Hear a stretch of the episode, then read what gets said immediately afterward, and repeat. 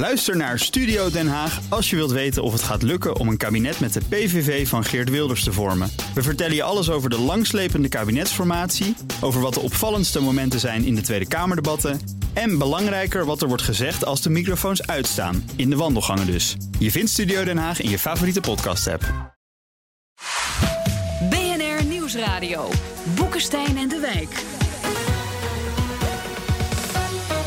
Hugo Reitsma. Aftellen naar Brexit. Brexit means Brexit, and we're going to make a success of it. This is your mission should you choose to accept it. Simple game. And to take back control. Serious? There will be no attempts to remain inside the EU. You're not laughing now, are you? Abort, that's an order. Something that goes by the name of hard Brexit. We will be a better Britain. You've never seen me very upset. Een korte samenvatting van de Brexit tot nu toe. Op weg naar een nette scheiding of is dat Mission Impossible? Welkom bij Boekenstein en de Wijk op zoek naar de nieuwe wereldorde. Met in de studio, als het aan hen ligt, hebben we het elke uitzending over Brexit. Dus zij zijn nu al blij. Arend-Jan Boekenstein en Rob de Wijk.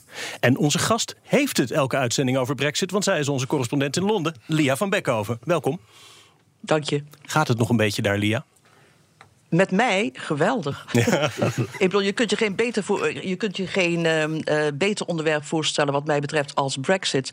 En niets dat zo ehm, belangrijk is in de naoorlogse Britse geschiedenis, dat zoveel teweeg gaat brengen als juist Brexit. Ja. En niet alleen weten we nog steeds niet, en het moet over een jaar zover zijn, waar premier May op uit wil komen met de Brexit. Maar de Britten weten het ook niet. Nee. Met jou Dus, gaat het eh, nog? dat kan- Geldt dat voor de Britten ook? Nou, ik denk dat er weinig veranderd is en eigenlijk is er heel veel veranderd. Ik bedoel, als je kijkt naar de samenstelling van eh, de Britten, de voorstanders, de tegenstanders, de Remainers of Remoners en de Brexiteers, dan is de verdeeldheid nog steeds even groot als twee jaar geleden. Maar weet je wat het opmerkelijke is? Ze willen het er niet meer over hebben. Brexit heeft heel veel mensen heel persoonlijk geraakt. Ik herinner me nog na de, na de uitslag van dat referendum in juni 2016 eh, opgebeld worden door Britse vrienden die zeiden: Dit is mijn land niet meer. Of anderen die zeiden: Ik praat nooit meer tegen mijn ouders of mijn grootouders, want die hebben voor de Brexit gestemd en mijn toekomst verknald. Eh, dus het heeft veel ellende veroorzaakt op persoonlijk vlak. Eh, vriendschappen heeft het beschadigd, zelfs huwelijk heeft het beschadigd. Dus het is ook een heel pijnlijk iets. Dus dan maar beter om er niet meer over te praten. Ja, en we zijn er nog niet, want over een jaar stapt Engeland uit de Europese Unie. Maar de onderhandelingen moeten dit najaar al klaar zijn. Dat is al heel snel, de klok tikt. Arend-Jan, jij kan altijd zo goed uitleggen. Hoe staat het er nou voor? Nou, ik zal het proberen in een paar minuutjes te doen. John Major gaf als commentaar van... eh, het komt eigenlijk zelden voor dat een regering heel erg ingaat... tegen zijn eigen economische belangen. Maar Brexit is echt iets dat niet goed is voor Engeland zelf. Nou, dat waren natuurlijk de Brexiteers het niet mee eens. Maar er liepen allemaal ideologische dames en heren rond... die dat toch hebben gedaan. Nou, vervolgens begin van dit jaar lekte dus een, eh, een, een regeringscommissie inschatting van de economische effecten uit. En die waren, die waren niet mals. Van 1,6% minder groei in, de, in de komende 15 jaar tot 7,7%. Dus met andere woorden, ik zou willen zeggen dat John Major een punt had. Nou, waar staan we nu? Er is nu eindelijk, na al die maanden die er verspild zijn. Want eh, mevrouw May hing natuurlijk, haar, haar, politieke toekomst hing aan een zijden draadje. Hebben ze dan eindelijk een transitiefase. Maar tijdens de transitiefase, die duurt ongeveer 21 maanden, is het wel zo dat ze zich aan de EU-regels moeten houden. Precies datgene wat eh, Jacob Rees-Mogg, maar ook eh, Boris Johnson niet wilden. Die houden zich nu heel stil. Die willen kennelijk zo graag een Brexit tegen alle kosten dat het maar moet gaan gebeuren. Nou, eigenlijk is er nog heel weinig opgelost. Ierse grens, niemand heeft nog een begin van een idee hoe dat moet worden opgelost. Dus alle ellende worden naar voren geschoven. Maar ik zou zelf zeggen. Eh, alle gedachten dat dit een onverstandig idee was, die komen behoorlijk goed uit. Maar Rob, die 21 maanden kunnen pas ingaan volgens mij... als er daadwerkelijk over een jaar een scheidingsakte op tafel ligt. Ja. En dat is nog maar zeer de vraag of die er komt. Dat klopt, Elia. Precies, dat, dat, ja, dat zeggen ze hier ook. Niets is opgelost dat alles is opgelost. Met andere woorden, als je niet eerst een akkoord hebt, een afspraak hebt over hoe het er na de overgangsfase um, uh, aan toe zal gaan, dan kan alles nog uh, verkeerd lopen. Want inderdaad, uh, er wordt hier vrij jubelend geschreven over het succes van Theresa May. En ze heeft er inderdaad niet veel. Wat betreft het toch maar mooi voor elkaar gespeeld hebben, hè, dat ze die overgangsfase, die transitieperiode, voor elkaar heeft. Maar ik denk niet dat dat een garantie is dat het nog steeds niet uh, verkeerd kan aflopen. Dat je nog steeds geen harde brexit kunt krijgen. Er staat nog zoveel op losse schroeven. Er moet nog zoveel gebeuren. En Lia, even, uh, even uitleggen aan de luisteraar. Van stel nou eens voor dat, dat, er geen overeenkomst komt. Dan heb je dus een harde brexit. Betekent dan dat je dan maar gewoon binnen het WTO-kader... moet je maar uh, met elkaar gaan onderhandelen? Ja. Ja, ja, volgens de regels inderdaad van de wereldhandels uh, ja, moet je dan inderdaad gaan handelen. Oh. En dat wordt natuurlijk uh, uh, ja, een ramp, zegt iedereen. en daarom ook is de conclusie dat de Britse regering op den duur, zoals Theresa May altijd gedaan heeft, dat wil voorkomen door toch maar weer op het allerlaatste moment door de knieën te gaan en concessies te doen. Ja, want het gaat je 10% kosten. Hè? 10% gaat het je kosten van je, uh, van je economie als je dat gaat doen. Als je terugvalt ja. op die regels van de Wereldhandelsorganisatie, de WTO. Ja, ja, ja. Maar, daar kunnen we het over hebben, eerlijk gezegd. Maar daar gaat het de Britten niet om. Nee, het gaat niet om de maar, economie. Maar hoe, hoe, hoe zit dat dan? Waarom hebben die Britten hier, uh, het hier niet om, uh, over? Als je dus gewoon objectief hier tegen, uh, tegenaan kijkt... dan moet je constateren dat dit ontzettend veel geld gaat kosten. En waarom interesseert het die Britten eigenlijk niet? Om, uh, er zijn verschillende redenen voor. Wat ik nu hoor is dat heel veel mensen zeggen... kijk, misschien komt het toch wel goed allemaal. Um, uh, Oké. Okay, Wat is goed komen dan? Er is, dat het wel mee zal vallen. Oh, okay. Dat we weinig, dat wij, dat hoorde ik een vrouw vorige week zeggen. Ik denk niet, zei ze, dat we er veel van zullen merken van uh, uittreden uit de EU. Uh, dat is denk ik wat heel veel Britten denken. Er is een hele keiharde minderheid die vertegenwoordigd wordt uh, door die Kamerleden zoals Jacob Rees-Mogg, die je net noemde, de brextremisten in het parlement. En die zijn om ideologische redenen voor uittreden. Uh, die hadden zelfs voorkeur voor een harde brexit. Die zien nu de overgangsfase als, en ik citeer, een vage vuur waardoor je erna in de hemel komt. Uh, dus wat hen betreft maakt het eigenlijk niet zoveel uit als het maar gebeurt. En wat de economische gevolgen zijn, en er zijn bijna geen economen ja. die uh, gezegd hebben dat het een goed idee is om voor de brexit te zijn. Maar maar dit soort mensen maakt het dat niet uit. Maar, maar... Zij denken werkelijk dat Groot-Brittannië dit aan kan. En bovendien, nogmaals, het is een ideologie. Het gaat om zaken als soevereiniteit. Uh, het gaat als uh, zaken om uh, principekwesties. He, je eigen grenzen kunnen bepalen. Je eigen wetten kunnen introduceren. Je niet langer te hoeven houden aan de regels van een ander. Dat is wat telt. En dan denken de Britten inderdaad, tenminste de, de, de meerderheid die voor de brexit stemde, dat dit te doen is. En dat het economisch ook te doen is. Ik zal je nog een voorbeeld geven. Wat mij altijd weer opvalt, is als je bijvoorbeeld zegt tegen uh, een, een, een Brexiter in uh, Groot-Brittannië. Maar weet u, hè, wat betreft het handel voeren met andere landen, weet u dat uh, Duitsland vijf keer zoveel handel drijft met China en ik geloof ook met India als Groot-Brittannië? Dan weten ze dat niet. Nee. Want, denken ze, als lidstaat van de Europese Unie kun je geen handel drijven met andere landen, als individuele lidstaat, buiten de EU. Het idee dat dat, dat wel kan. Is 50%. Dat denken ze.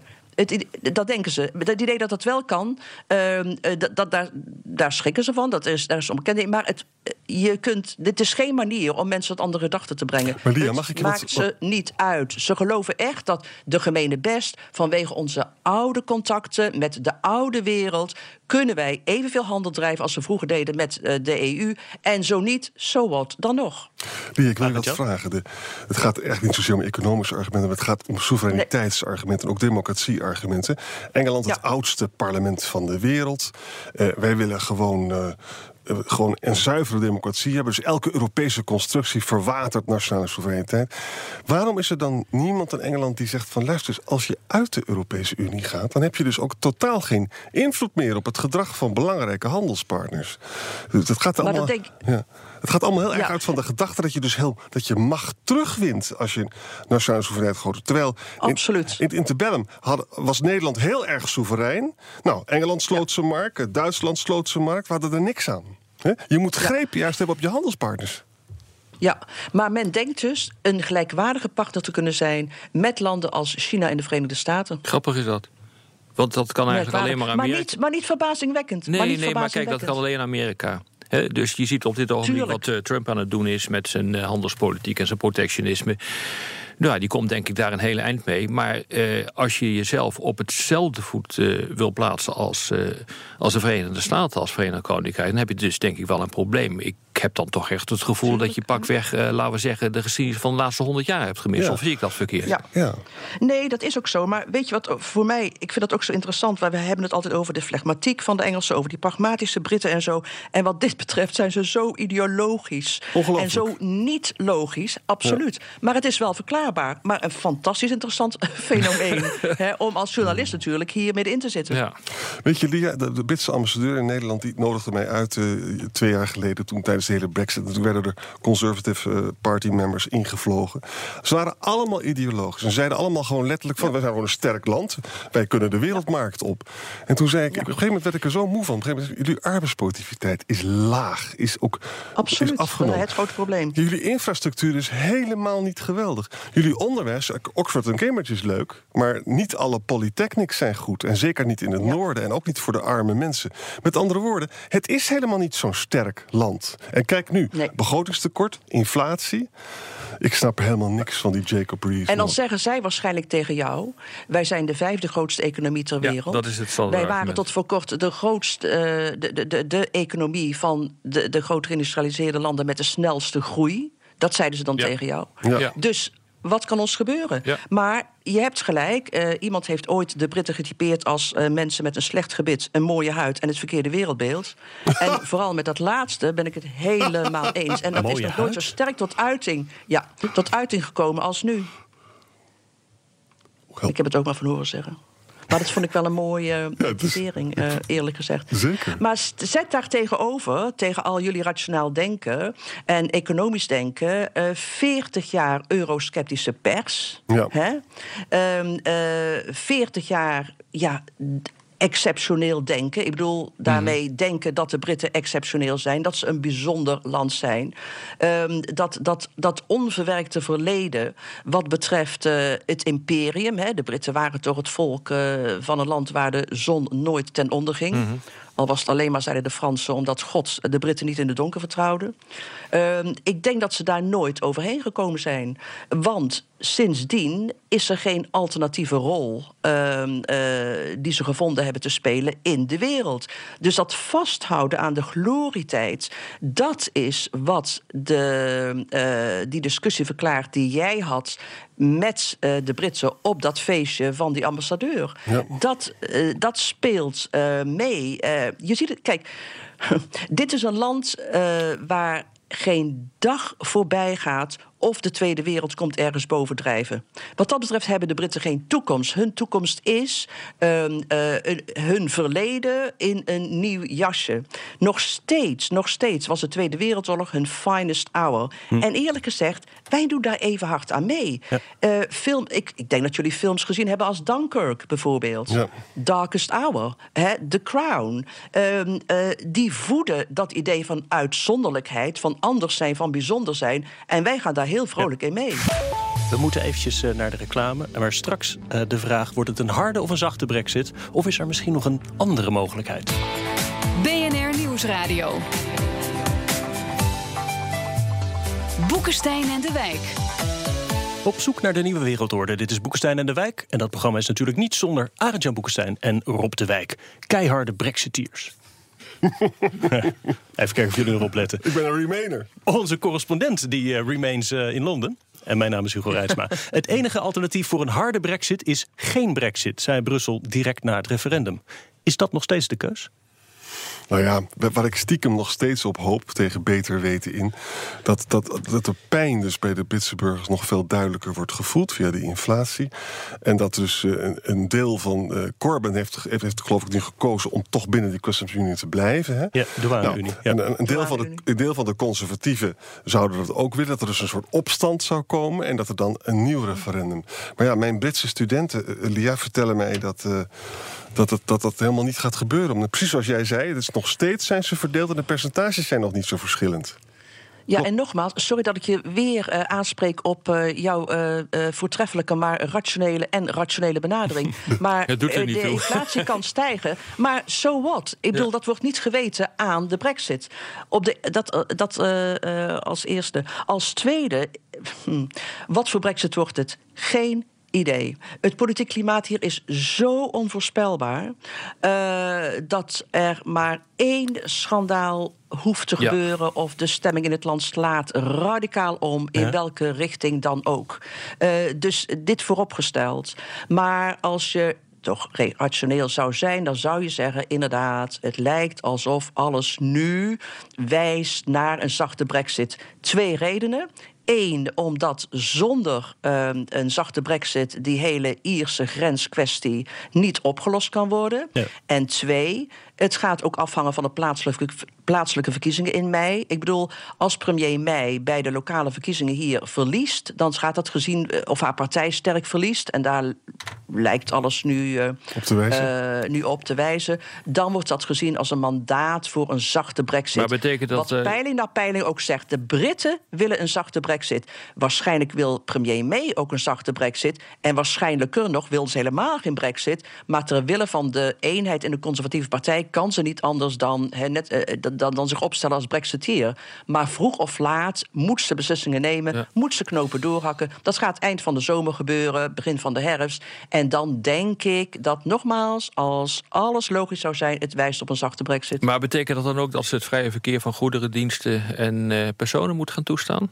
Ja, kijk, dat gaat ze al maar doen. dan krijg je dus een Noors in de- model, in de- maar daar krijg je de handen op dit ogenblik absoluut niet eh, voor. eh, Er is nog een verschil tussen douane-unie en interne markt, toch? Ja. Bij dat laatste Tuurlijk. horen de vier vrijheden, bij de douane-unie niet. Nee, maar zo'n douane-unie wordt ook wel heel lastig om dat voor elkaar eh, te krijgen.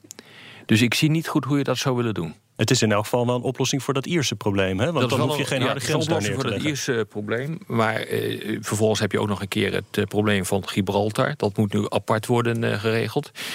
Maar ja, als ik de, de debatten zo'n beetje volg in het Verenigd Koninkrijk... dan moet je ook constateren dat je hebt dan eigenlijk nog drie jaar, zeg maar... inclusief die transitiefase. Dan moet er dus wel nu na een jaar moet er echt een scheidingsakte op tafel liggen. Dat is nog maar de vraag of dat lukt. Maar de Nee, problemen die zijn zo gigantisch eh, groot. En de, eh, de, de vraagstukken zijn zo enorm dat het de vraag is of je dat voor elkaar krijgt binnen een driejarige periode. Ja, maar Lia, jij zegt de stemming zou radicaal kunnen omslaan als, als er ook maar iets gebeurt. Zou het dan nog eh, op, een, op een nieuw referendum of op een nee straks in het parlement kunnen uitdraaien? Nou, kijk, als het Britse parlement eh, zou stemmen tegen het Brexit-akkoord van Theresa May hè, dit najaar, eh, of als eerder al de Brexit-wet, waar vanaf mei over gestemd gaat worden, er niet doorkomt in het parlement, dan kun je je een scenario voorstellen waarbij May ehm, een motie van wantrouwen uitschrijft, die ze dan verliest, en daarna worden er of nieuwe verkiezingen uitgeschreven of een tweede referendum. Ehm, maar als je ervan uitgaat dat het tweede referendum er gaat komen omdat het volk er wil. Hè, en omdat je nu al ziet dat er contouren zijn voor een hele sterke beweging daarvoor. Vergeet het maar. Dat is helemaal niet waar. Maar er zijn zoveel variaties op dit thema mogelijk. Eh, Tony Blair, eh, oud-premier hier, zei een paar dagen geleden eh, dat hij nu veel sterker dan een paar maanden geleden denkt dat dat tweede referendum daar best wel eens zou kunnen komen. Ja. Misschien, misschien. Eerlijk, we weten het niet. We speculeren alleen maar. En nogmaals, er kan van alles gebeuren. Ja. En hoe loopt dat dan in, in Londen nu tussen premier May en de, de, de Brexit-hardliners? Wie, wie is er nou echt de baas daar? Nou, premier May laat zich leiden door de harde lijners eh, van haar eh, brexit-geneigde, harde brexit-geneigde eh, achterban. Dat heeft ze altijd gedaan. Dat is haar inzet geweest. Ehm, eh, het feit dat ze zei Brexit means Brexit, dat was een hele duidelijke manier. Ook al wist niemand wat ze ermee bedoelde om haar backbenchers te overtuigen. Ik bedoel, toen ze dat voor het eerst zei in juli 2016, eh, herinner ik me, zei iedereen: hè, wat bedoelt ze dan? Maar ze zei het heel duidelijk, heel krachtig. Twee dagen later was ze premier. Ik bedoel, dit is de, de, de, de strategie geweest van May tot nu toe. Ze zegt voor alles en nog wat. Het klinkt nogal goed. Eh, niemand weet wat ze ermee bedoelt, maar het is voldoende om haar achterban en voorstanders en tegenstanders van een harde brexit met zich mee te nemen. Of laat ze maar het nogmaals, gewoon dat kun je maar tot op zekere hoogte doen. Laat ze dit gewoon vastlopen. Want dat kan natuurlijk ook nog. Hè. Je kan dus ook een eh, strategie hebben dat je heel goed weet welke route je moet eh, belopen. wat de problemen zijn die je tegenkomt. Je weet eigenlijk dat de tijd te kort is om die problemen op te lossen. Dus een strategie kan ook zijn om het gewoon vast te laten lopen. Wat denk je? Dat is op zekere hoogte natuurlijk al gebeurd. Kijk, Ja. ik denk dat de grootste tactische fout gemaakt is, die zij heeft, geweest is, die ze heeft gemaakt, is om onmiddellijk na het referendum, of heel vrij snel na het referendum, eh, eh, met het uitzettingsproces, dat artikel 50, te beginnen. Terwijl Groot-Brittannië daar nog helemaal niet klaar voor was. Laat staan wist wat voor Brexit het wilde. Die situatie is nog steeds hetzelfde. Daarom denk ik ook, er moet nog zoveel gebeuren. Die overgangsperiode is misschien wel waar ze op uit wil komen. En daarover gaan de geruchten nu in eh, politiek Westminster... dat die overgangsfase, die officieel 21 maanden moet duren... Hè, dat is de tijd die er nu voor staat, veel en veel langer Ja, gaat duren. want een van de andere dingen die nog moeten is te kijken naar de toekomstige betrekkingen, hè, de handelsbetrekkingen, maar ook de Dat moet allemaal nog politieke. gebeuren. Moet allemaal Ja. gebeuren. Ja, maar zijn die 75 21 maanden periode waarover je het had, eh Lia... die is gefixt volgens weet het. mij. Die, Ja. die, die kun je Ik niet weet- overschrijden. En, daarna heb je dus echt een probleem. En dan lig je eruit. En nou, dan komen we weer terug Ja, eh, maar bij het gesprek, eh, bij het begin van het gesprek. Dan val je terug op de wereldhandelsregels. En dan gaat je 10% van je, eh, van je economie kosten. Maar het gaat dus ook over de politieke betrekkingen van- die je daarna Ja. krijgt. Ja. Ja. Ik, Nee, ik vraag het me af. Ik hoor wat je zegt en ik weet, je hebt gelijk. Brussel heeft gezegd, dat staat vast. Eh 21 maanden is wat ons betreft meer dan genoeg. Daarna, wij willen ook zekerheid, duidelijkheid. Het bedrijfsleven wordt er gek van, van de onduidelijkheid die er is. Ze weten nog steeds niet waar ze aan toe zijn. Maar ik denk dat die periode, eh, dat daarmee gesjoemeld kan gaan worden. Weet je, VNO-NCW hier heeft de twee dagen geleden gezegd... dat de Nederlandse ondernemers er rekening mee moeten houden... dat het gewoon een keiharde brexit wordt. Dat is interessant, Dat hè? kan, dat kan Ja. heel goed. Want weet je waarom het ook kan? Eh, omdat er. Je merkt niets. Je merkt helemaal niets van de brexit. Er is niemand die voorbereidingen treft. In Nederland zijn er 750 nieuwe douanebeambten die worden opgeleid. In het Verenigd Koninkrijk hebben ze er duizenden nodig. Ze zijn deze week begonnen met recruteren. Ja. Echt, het, de- er is totale verlamming hier. Ja. Er gebeurt niets. Dat wat betreft, Praktischste eh, voorbeeld, nog Lia? steeds. Mag ik nog één ding? Eén Dat ding. vind ik zo'n goed voorbeeld. Er is, ik hoorde een leider van een vrachtvervoerorganisatie zeggen. Ieder met een harde brexit hè, moet er grensovergangen geregeld worden. Eh, hij zegt iedere twee minuten vertraging voor één vrachtwagen aan de grens betekent een file van 44 kilometer. Je zou zeggen, gaat er wat aan doen. Bereid je voor. Ja. Niets. Dat wat betreft de economische betrekkingen. Politiek, Rob, eh, zag ik dat jij nog wat eh, wilde toevoegen... over wat die betrekkingen tussen Engeland en de rest van de wereld worden... na Nou ja, de brexit. Kijk, als je dus terug eh, op wat Lia net zei... Van dat die Britten het gevoel hebben dat nog steeds de dominante factor... althans een van de dominante factoren in de wereld te zijn...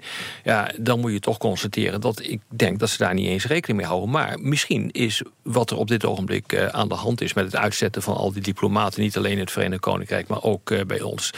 eh, naar aanleiding van die eh, gifgasaanval in, in Salisbury... Eh, daar moet je toch van constateren dat dit enorm duidelijk maakt eh, dat de Britten niet meer de macht hebben die ze ooit hebben. En dat ze de Europese Unie nodig hebben om gezamenlijk een vuist te- maken. Eh, wat ook op dit ogenblik echt op de achtergrond speelt... en in ook de diepe krochten van, eh, de, van de Europese Unie in Brussel... is de hele discussie over een pijpleiding die gebouwd moet worden... vanuit Rusland naar Duitsland, die heet Nord Stream 2. Als je de Russen echt nu op dit ogenblik duidelijk wil maken dat dit niet meer kan, dan moet je een streep zetten door Nord Stream 2. De Britten hebben eigenlijk geen positie meer om dat voor elkaar eh, te krijgen. En hier zie je dus eh, dat die machtsverhoudingen fundamenteel aan het, eh, aan het veranderen zijn.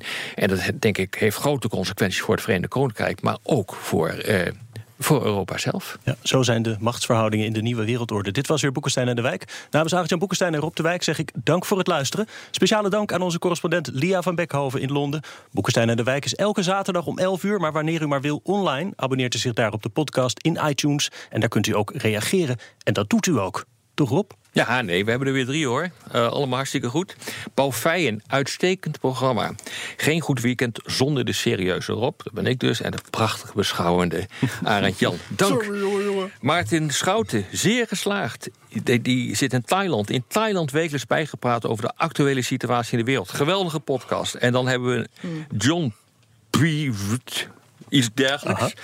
Niet uit te spreken, goede discussies, actuele onderwerpen. Geeft achtergrond over de actualiteit op een luchtige manier en zet de luisteraar aan het denken. Een aanrader voor iedereen die wat meer diepgang zoekt dan het 8 uur journaal. Nou, Heerlijk te horen. Mooi toch? Halverwege de brexit. We kijken uit naar de tweede helft.